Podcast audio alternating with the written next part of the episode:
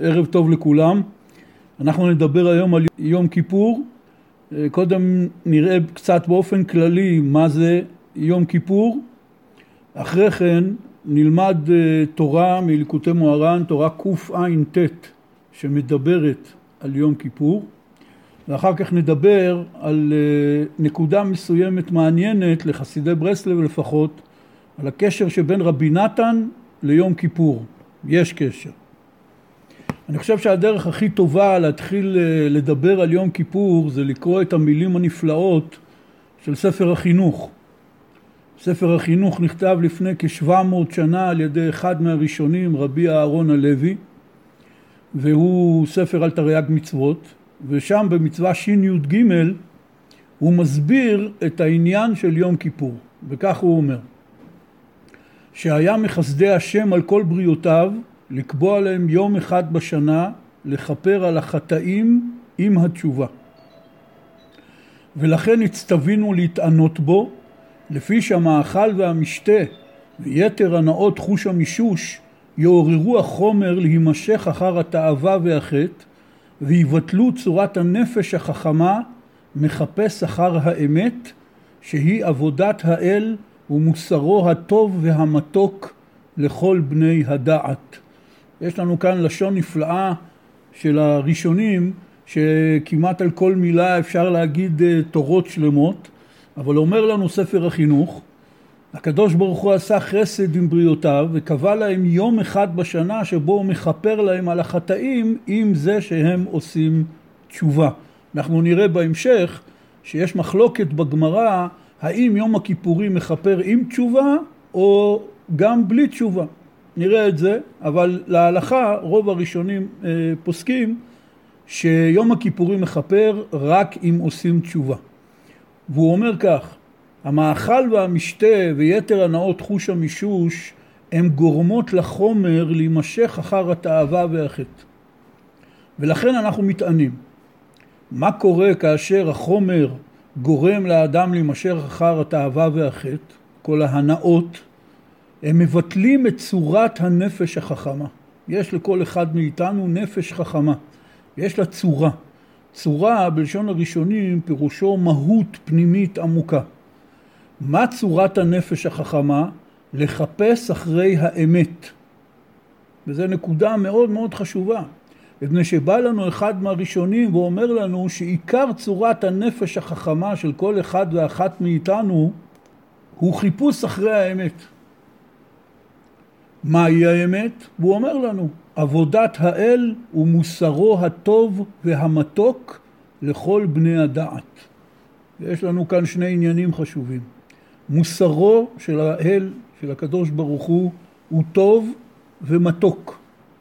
וכפי שאנחנו יודעים מתורת החסידות, כאשר האדם שומע דברי מוסר, או קורא דברי מוסר, או אומר דברי מוסר לעצמו, ואין בהם טוב ומתיקות, יש כאן פספוס, יש כאן שגיאה. זה לא המוסר האמיתי, מפני שהמוסר האמיתי של הקדוש ברוך הוא בעבודת השם הוא צריך להיות טוב ומתוק. ולמי הוא טוב ומתוק? לכל בני הדעת. כלומר, על מה צריך לעבוד דבר ראשון? על דעת. מתחילים מהסוף. אני צריך לעבוד על דעת. כדי שאני אוכל לקלוט את מוסרו הטוב והמתוק של הקדוש ברוך הוא, ואז לעסוק בעבודת השם שהיא האמת, שאותה, את האמת הזאת אני מחפש, וכדי להגיע לזה באמת בשלמות, אני צריך יום אחד בשנה לנתק את עצמי מהתענוג של החומר, מהנאות המישוש, המאכל והמשתה וכולי, כי הוא מפריע לי לעשות תשובה. ולעשות תשובה זה לעבוד את הקדוש ברוך הוא במוסרו הטוב והמתוק על ידי זה שיש לי דעת. הוא ממשיך ספר החינוך ומסביר לנו את יום כיפור. ואין ראוי לעשות ביום בואו לדין לפני אדוניו לבוא בנפש חשוכה ומעורבבת מתוך המאכל והמשתה במחשבות החומר אשר היא בתוכו. יש יום כזה קדוש, ואנחנו נדגיש היום ונראה מדברי הראשונים ומדברי החסידות, שכל העניין של יום הכיפורים זה העניין שהוא כללות כל הימים. זה לא סתם יום קדוש.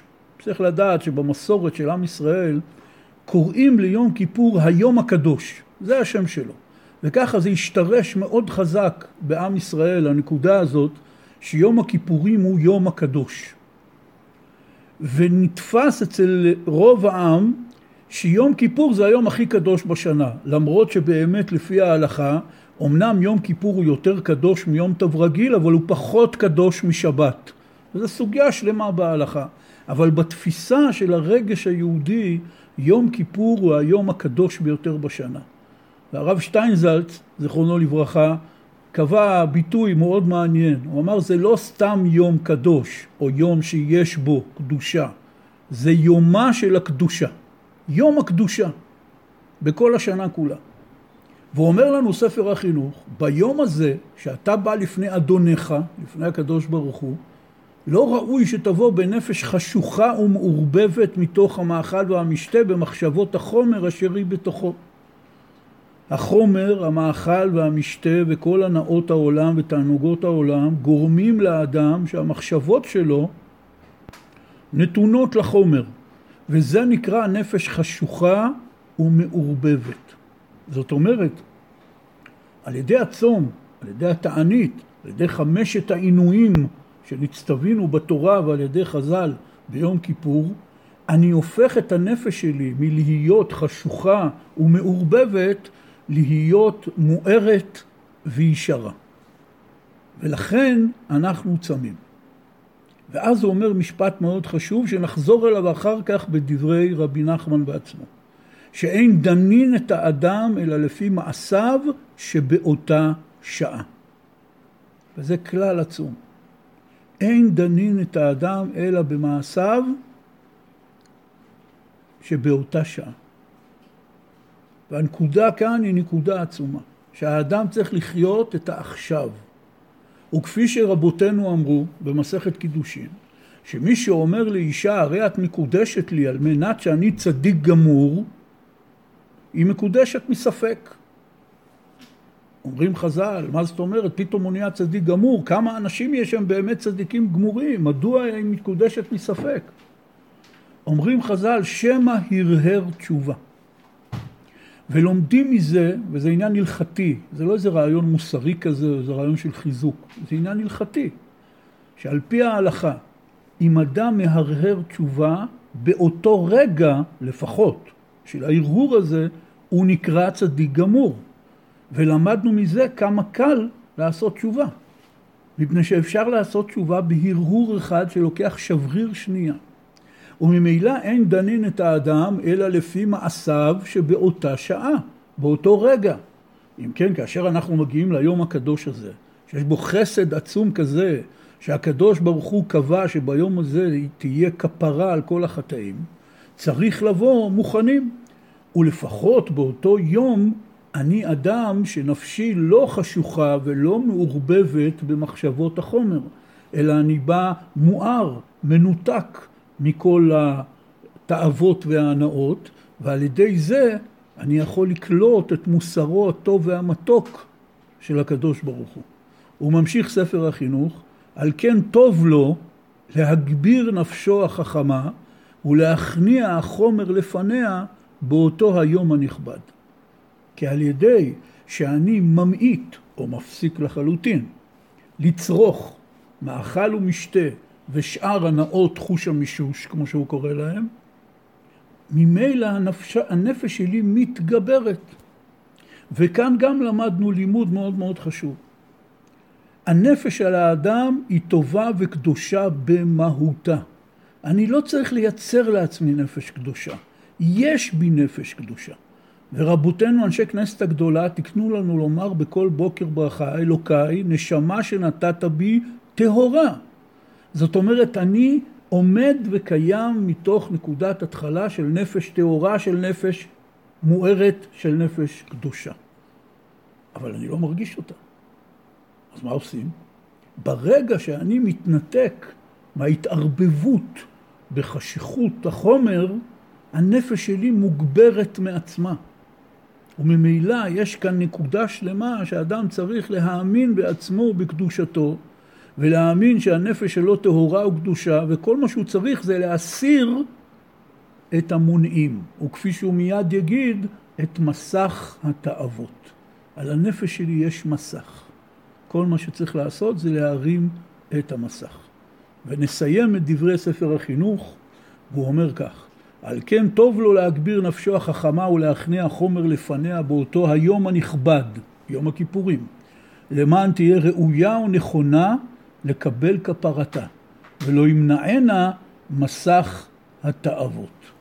אם כן למדנו, וזאת נקודה חשובה, בהמשך נראה מדברי רבנו רבי נחמן, שהעניין בכל העניין של צום יום כיפור זה לבנות את קומת השמחה. זאת העבודה שלנו, כי יש אנשים שהם ניגשים ליום כיפור בפניקה. פחד ואימה ויראה זה דבר קדוש, אבל סתם להיכנס מתוך כבדות ופחדים שהם לא פחדים של יראת שמיים, זה דבר מוטעה לחלוטין. כי העבודה שלנו ביום כיפור זה לבנות את קומת השמחה. זה מה שאנחנו באים לעשות, כפי שנראה בהמשך, מתורה קע"ט בליקוטי מוהר"ן. אבל אם כן בא לנו ספר החינוך ומסביר לנו על פי הפשט. הוא כתב את הספר שלו, ספר החינוך, לנערים שלומדים תרי"ג מצוות. לכן זה שווה לכל נפש. והוא אומר שבגלל שהנפש שלנו נמשכת אחר התאווה והחטא, מתבטלת צורת הנפש, כלומר מהות הנפש הפנימית, יש עליה מסך של תאוות. וזה מונע אותי מלחפש את האמת שהיא עבודת האל ומוסרו הטוב והמתוק לכל בני הדעת. ואלה דיבורים שנכתבו על ידי אחד מגדולי הראשונים, גדולי ישראל, לפני 700 שנה. ובכלל ראוי תמיד ללמוד ספר החינוך עם הדיבורים הנפלאים שלו על כל מצווה ומצווה, אבל כאן ממש יש לנו יסודות כאלה שכל מי שיקח את הקטע הקצר הזה וילמד אותו, הוא יכול ללמוד פה ממש הקדמות נפלאות והדרכות נפלאות לעבודת השם. ספר החינוך על תרי"ג מצוות. כמה מצוות אנחנו מקיימים ביום כיפור? ארבע. ביום כיפור יש שני סוגי מצוות, אחד בנושא השביתה מהמלאכה, כלומר שיום כיפור זה כמו יום שבת מבחינת איסור מלאכה, הדבר השני מצד התענית והעינוי, ויש ארבע מצוות. מצוות עשה לעשות עינוי נפש, מצוות לא תעשה שלא לאכול ולשתות, מצוות עשה לשבות ממלאכה, מצוות לא תעשה שלא לעשות מלאכה. אלה ארבע המצוות שאנחנו מקיימים מן התורה בכל יום כיפור. יש בתורה עוד מצווה, והיא עבודת יום הכיפורים בבית המקדש, הוא עניין מאוד מאוד יסודי ביום כיפור. ואנחנו מכירים בתפילת יום כיפור יש קטע מאוד ארוך שאנחנו קוראים את סדר העבודה שהייתה ביום כיפור בתקווה ובתפילה שנזכה לזה עד כמה שיותר מהר כבר ביום הכיפורים הזה שיש בו עניין גדול מאוד, העבודה של יום כיפור זה העבודה הכי מסובכת והכי מרובת פרטים בבית המקדש מכל החגים ומכל המועדים, כפי שכולנו ודאי זוכרים מנוסח התפילה, אם זה הקורבנות, אם זה השעיר לעזאזל וכן הלאה, וכל התהליך השלם שהכהן הגדול לובש, הוא פושט בגדים וטובל לפני כל חלק מהעבודה וכן הלאה. אבל צריך לדעת שהמעלה של יום כיפור והמצוות שיש בו הם לא קשורים לעניין של בית המקדש, זה עוד עניין. ממילא יש שלושה דברים ביום כיפור. אם מנסים לסכם מתוך כל המקורות שיש לנו בתורה שבכתב ובתורה שבעל פה. הדבר הראשון זה עבודת האדם. עבודת האדם היא לעשות תשובה. ושוב אני חוזר, תכף נגיע לזה. בחז"ל יש שתי דעות. יש דעה אחת שיום הכיפורים מכפר בלי שום עשיית תשובה. עיצומו של יום מכפר. כמו שכתוב בתורה. כי ביום הזה יכפר עליכם מכל עוונותיכם תטהרו.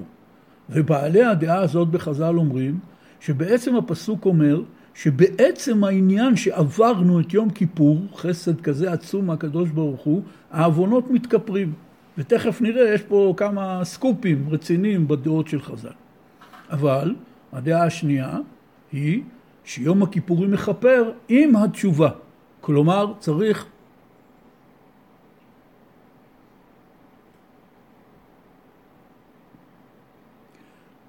צריך לעשות תשובה, ואז יום הכיפורים מכפר. אז זאת עבודת האדם, לעשות תשובה. ונראה עוד מעט אני אקרא איזה שורה וחצי מרבנו יונה, מגדולי הראשונים בספר שערי תשובה, שהוא סובר שיש מצוות עשה מיוחדת לחזור בתשובה ביום כיפור, בנוסף למצוות התשובה שיש כל השנה. כלומר, יש עניין מיוחד בלעשות תשובה ביום כיפור, וזאת עבודת יום כיפור. ויש עוד עניין ביום כיפור, העניין השני, והוא הכפרה, שזאת עבודת הבורא, כביכול. הקדוש ברוך הוא מכפר לנו ביום הזה, יכפר עליכם.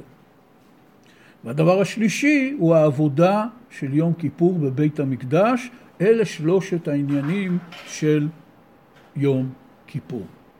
הרמב"ם, יש לו לשון מאוד מפורסמת בהלכות תשובה, בפרק שני הלכה ז', והוא כותב כך: יום הכיפורים הוא זמן תשובה לכל, ליחיד ולרבים, והוא קץ מחילה וסליחה לישראל.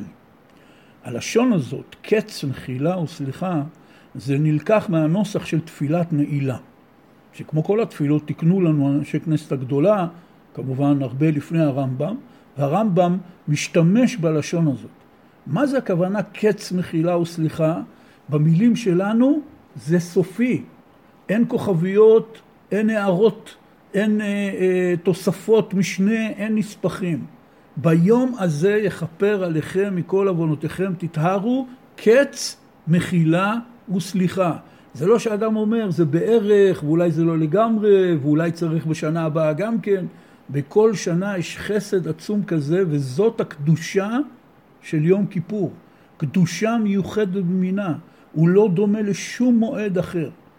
ולכן עם ישראל קורא לו היום הקדוש. ואם תתבוננו היטב בנוסח התפילות שתיקנו לנו אנשי כנסת הגדולה שאנחנו אומרים במחזור, תראו שמדברים שם כל הזמן על עניין של הקדושה.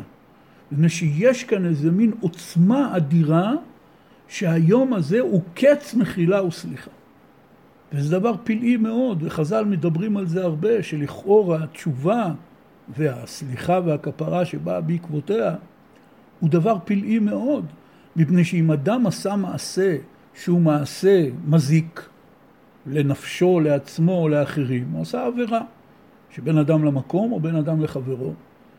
אי אפשר למחוק את המעשה, המעשה כבר נעשה, והתשובה היא פלא וחסד עצום, שהקדוש ברוך הוא בדרכיו הנפלאות מודיע לנו שהדבר הזה נמחק ונעלם, וזה לשון הרמב"ם, קץ מחילה וסליחה לישראל.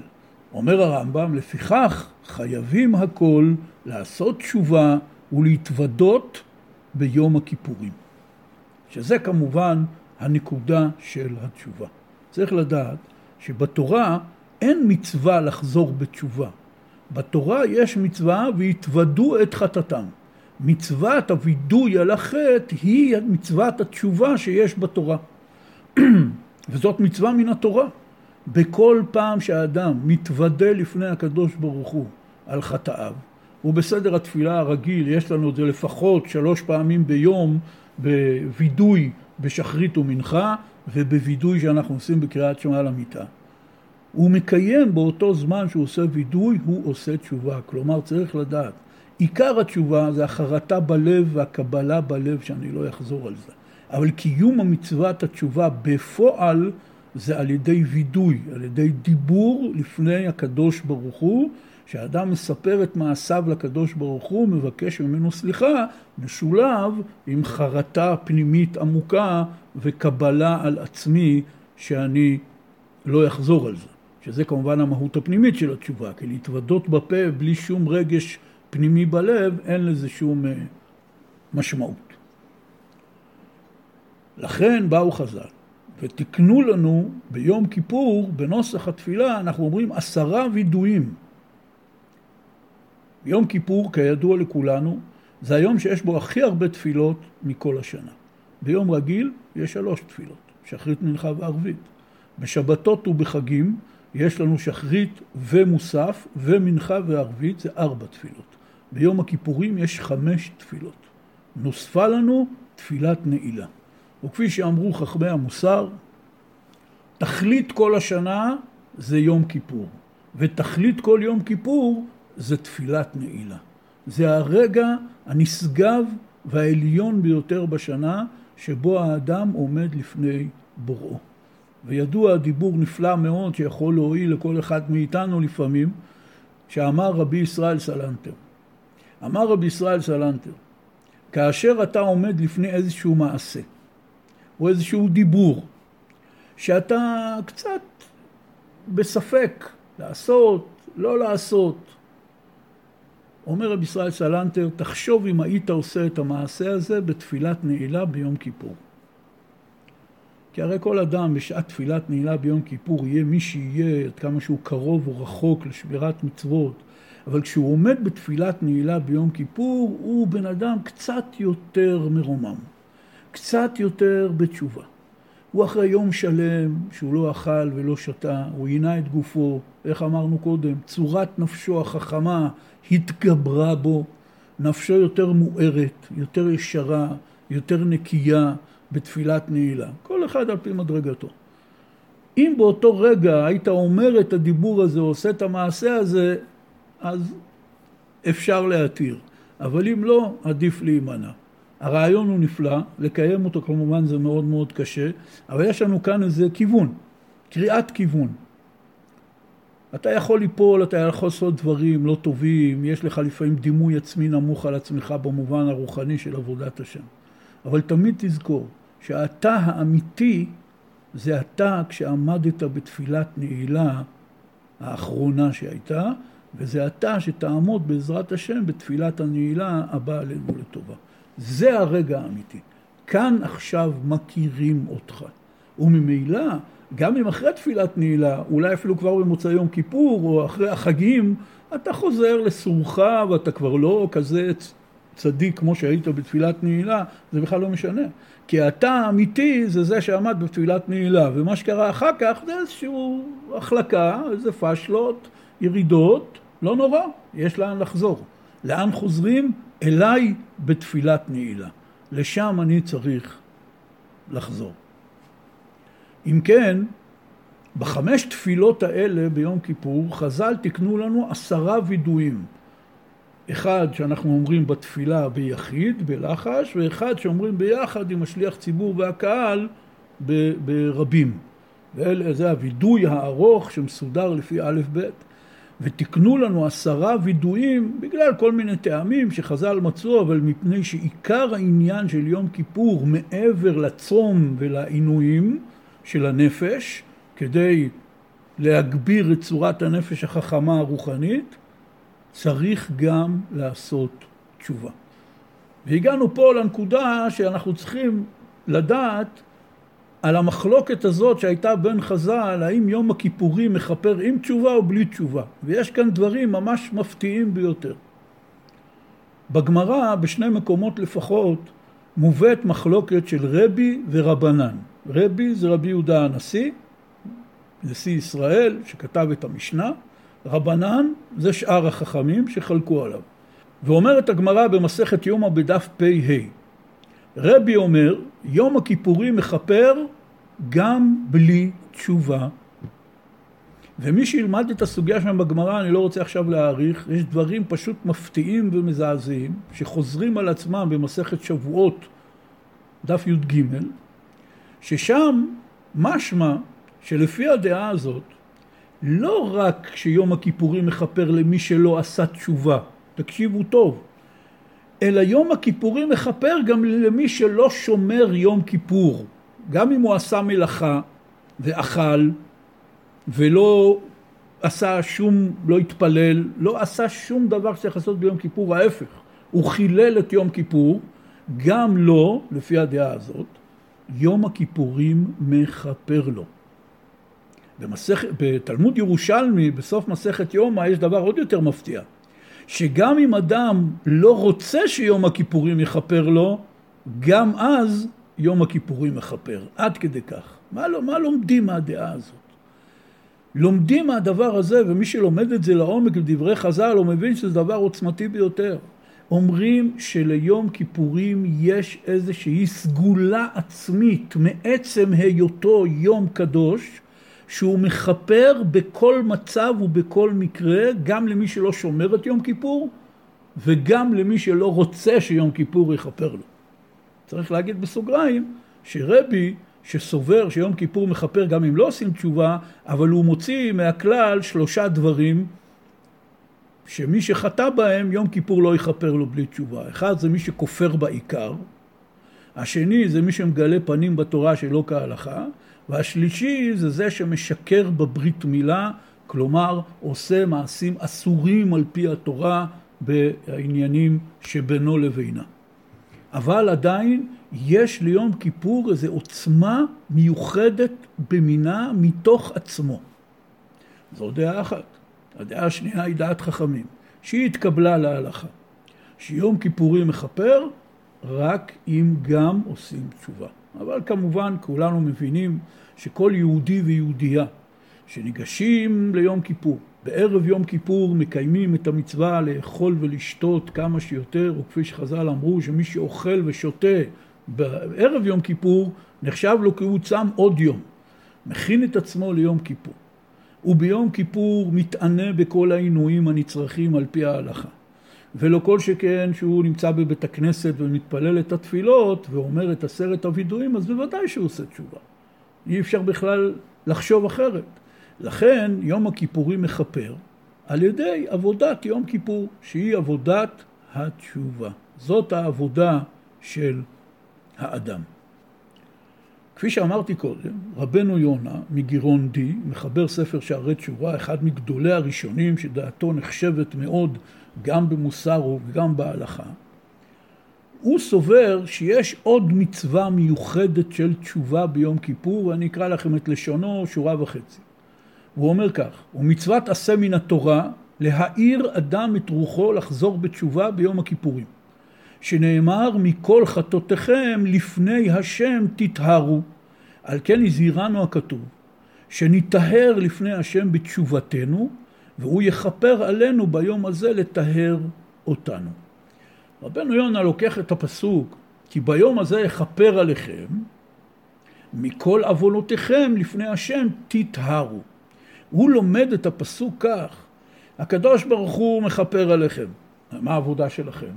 מכל עוונותיכם בפני השם תטהרו. הוא לומד את המילה תטהרו כציווי לאדם, שהוא צריך להאיר את רוחו לחזור בתשובה ביום כיפור מעבר למצוות התשובה הרגילה. והדעה הזאת היא כמובן דעה חשובה, הרמב"ם לא סובר כך, הרמב"ם סובר שעל ידי חמשת העינויים שאדם מקיים ביום כיפור הוא מקיים את תטהרו, זאת, זאת הטהרה, כמו שכתב ספר החינוך. עצם העניין של ההתנתקות מהמאכל והמשתה וכל הנאות חוש המישוש זה מעור... שהן מעוררות את החומר להימשך אחרי התאווה והחטא. ואז הוא מבטל את צורת הנפש החכמה מלחפש אחרי האמת שהיא עבודת האל ומוסרו הטוב והמתוק. כן, חזרתי עוד פעם כי המילים האלה אני מאוד מתחבר אליהן, מאוד מרגשות אותי. עצם העניין של התטהרו זה בזה שאני מתנתק מהחומר, מתנתק מהמאכל, מהשתה, מהנאות חוש המישוש. כפי שהיו מהמקובלים שדיברו על זה שראש השנה זה תיקון המחשבה. כפי שדיברנו גם כאן בנהרדיה בשיעורים על ראש השנה, שכל העניין של עבודת ראש השנה זה עבודת המחשבה. לטהר את המחשבה, על ממתיקים את הדינים, וזאת כל עבודת ראש השנה. אמרו אותם צדיקים העבודה של יום כיפור זה תיקון התענוג. מפני שאנחנו נמשכים מאוד אחרי התענוג.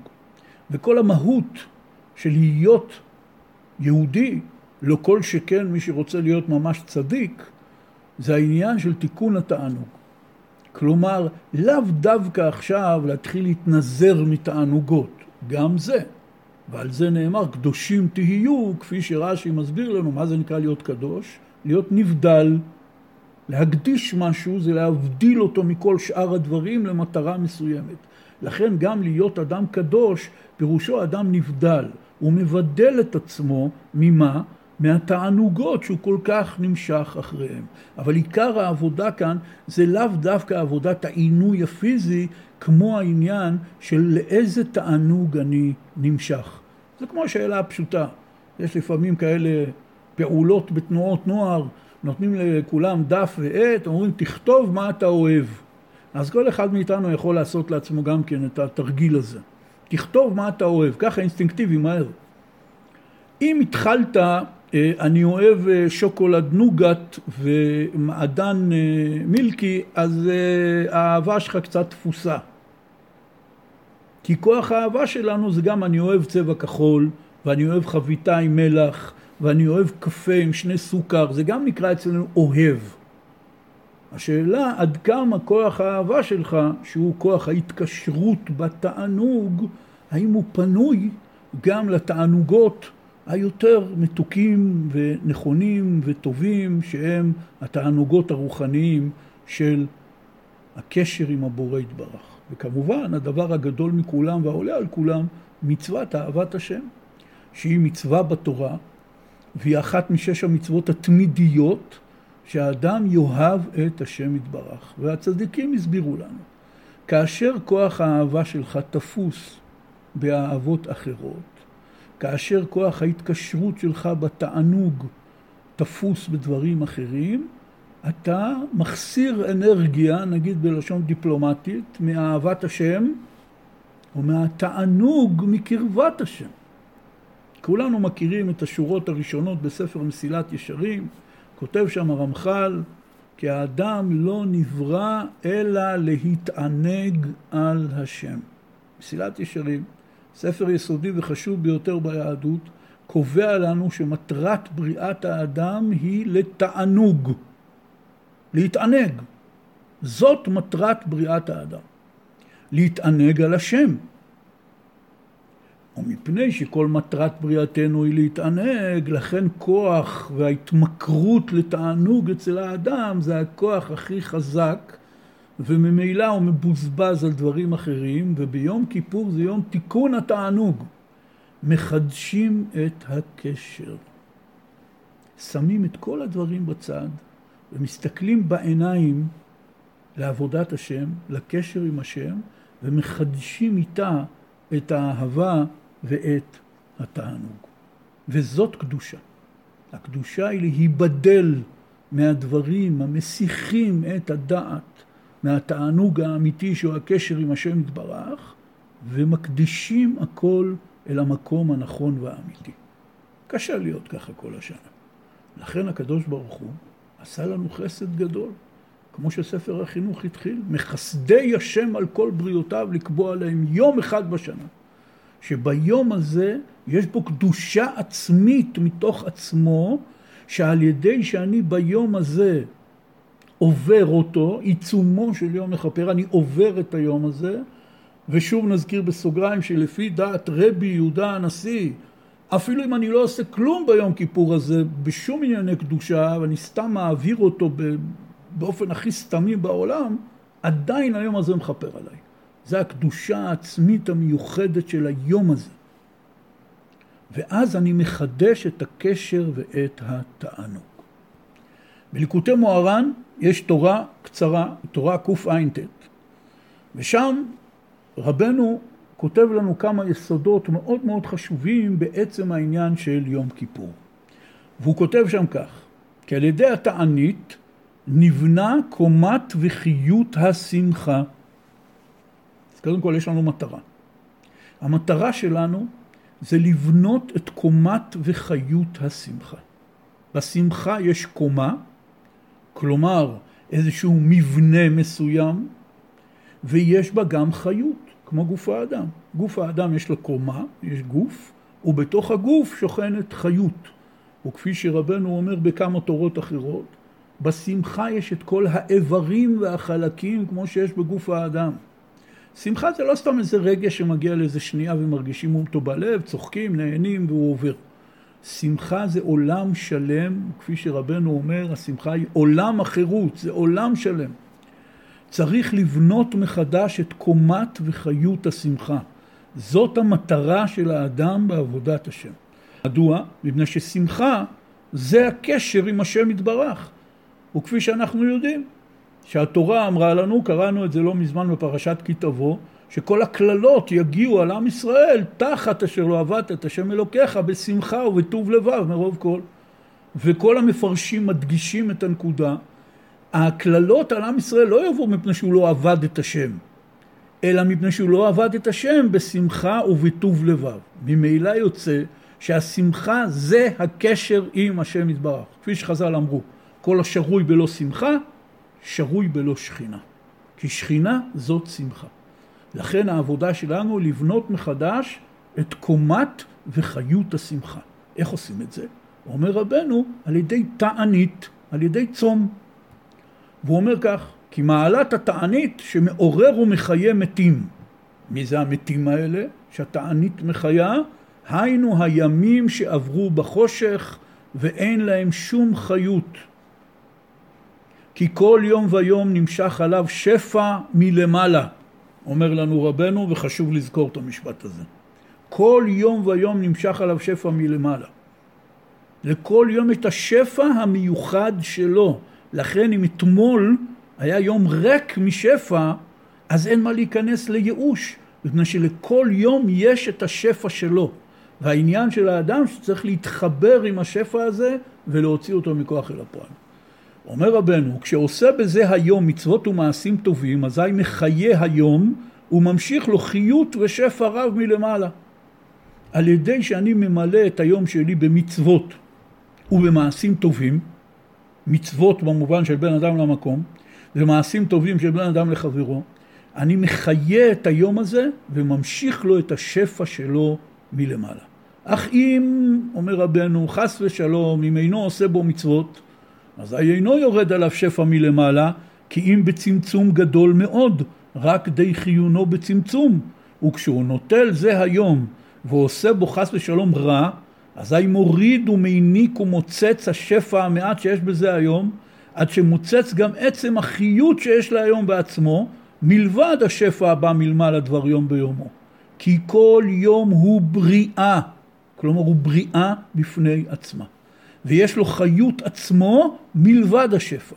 והוא מוצץ גם חיותו העצמי של היום, ועכשיו אומר כאן רבנו ביטוי מבהיל, אבל שצריך לזכור אותו, עד שנשארו הימים הללו פגרים מתים.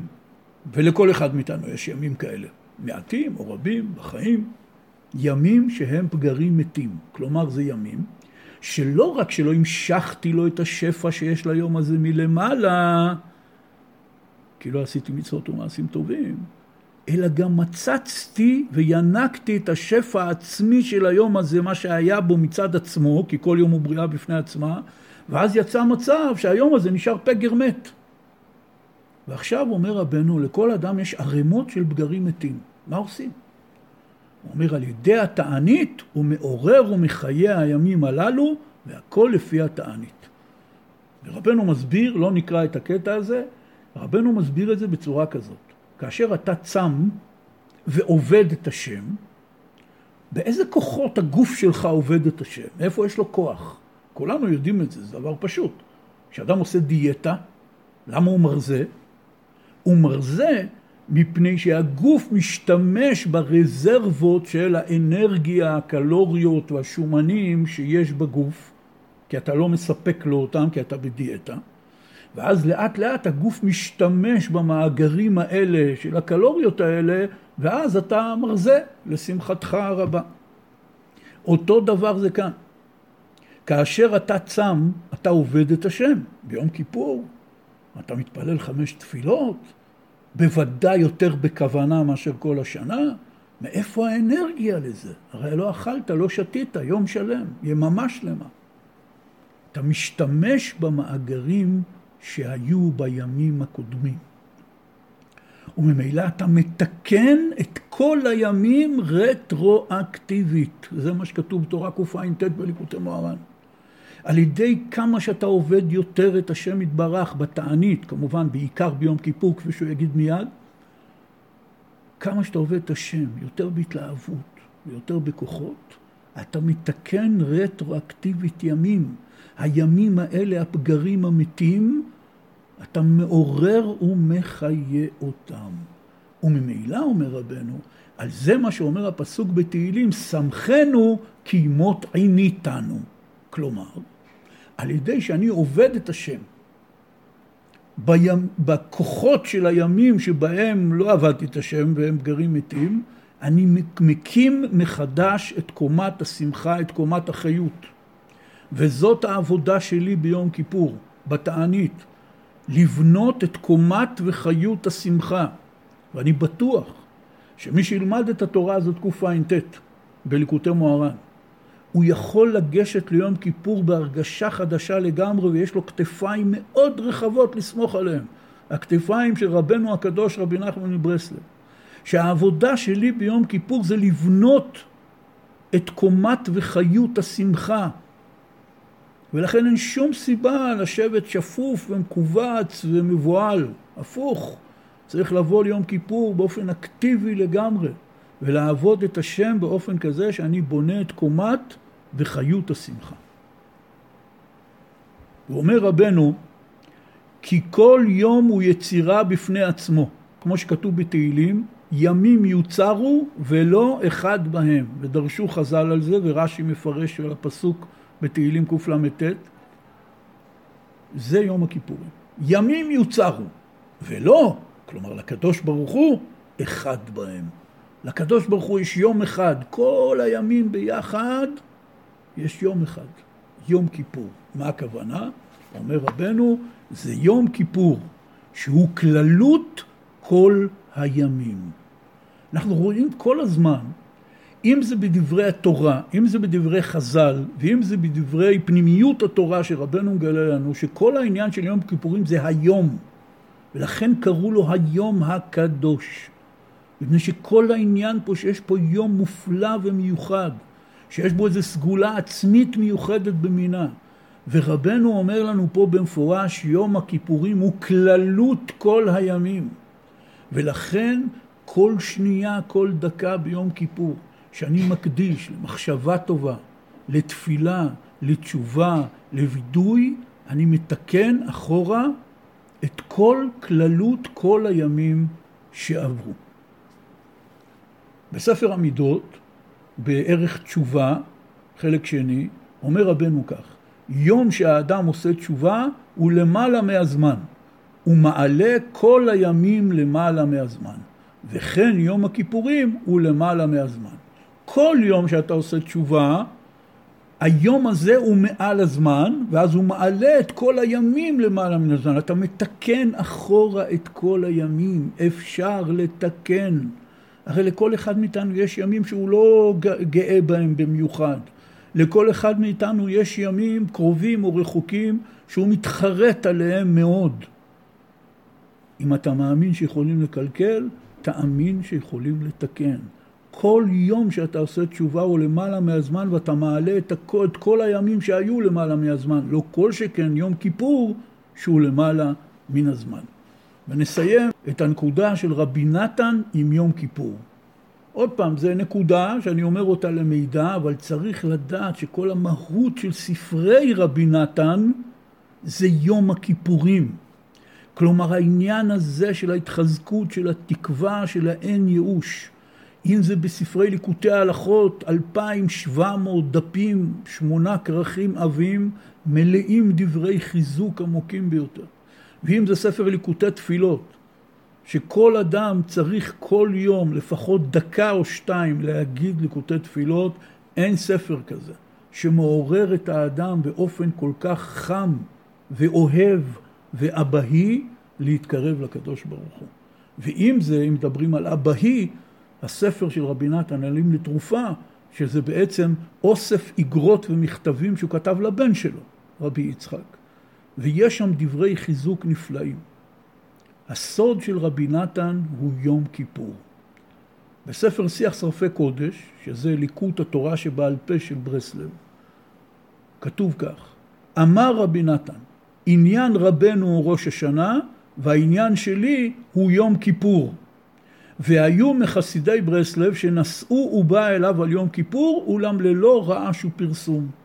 ראש השנה, רבי, רבי נחמן אמר, כל העניין שלי זה ראש השנה, ציווה על חסידיו להתקבץ אצלו בראש השנה, אבל כל העניין של רבי נתן היה יום כיפור, והיו כמה מתלמידיו שעשו מין קיבוץ רבי נתן. היו נוסעים לרבי נתן ביום כיפור, כי רבי נתן אמר בעצמו, כמו שהעניין של רבנו היה עניין של ראש השנה, כל העניין שלי הוא יום כיפור. ומגלה לנו רבי אברהם בן רבי נחמן, שכידוע היה בנו ותלמידו של תלמידו המובהק של רבי נתן, כלומר רבי אברהם קיבל מסורת בעל פה מרבי נתן דרך אביו, שהיה התלמיד המובהק של רבי נתן, והוא גילה סוד עצום. קודם כל הוא מסר לנו שתי עובדות מעניינות. רבי נתן נפטר בעשרה בטבת. בשבת שלפני שהוא נפטר, הוא אמר תורה על תפילת יום כיפור. למרות שזה היה חודש טבת, לא קשור, זה לא הזמן כרגע, היה לו עניין כזה. וכשהוא נפטר, ממש בשעת פטירתו, מוסר לנו רבי אברהם מסורת בעל פה מאבא שלו שהיה שם, שרבי נתן לא הפסיק לחזור על המילים חנון המרבה לסלוח, חנון המרבה לסלוח. שכמובן כולנו מכירים, זה סיום של ברכה מתפילת שמונה עשרה. ברוך אתה השם, חנון המרבה לסלוח. ומגלה לנו סוד עצום רבי אברהם. חנון המרבה לסלוח זה בגימטריה נתן. כלומר כל העניין של רבי נתן, אפילו הגימטריה של השם שלו התאים לזה, ואלה היו המילים האחרונות על שפתיו שהוא נפטר מן העולם, זה היה העניין של החנון המרבה לסלוח. להאמין בכוח הסליחה, להאמין בכוח התיקון. וזאת העבודה שלנו ביום כיפור, גם בזכותו של רבי נתן, תלמידו של רבנו רבי נחמן, ונקווה שנזכה כולנו באמת לזכור את העניינים האלה, ועל ידי התענית ועבודת השם לבנות ולעורר מחדש את קומת וחיות השמחה, ושנזכה כולנו לגמר חתימה טובה.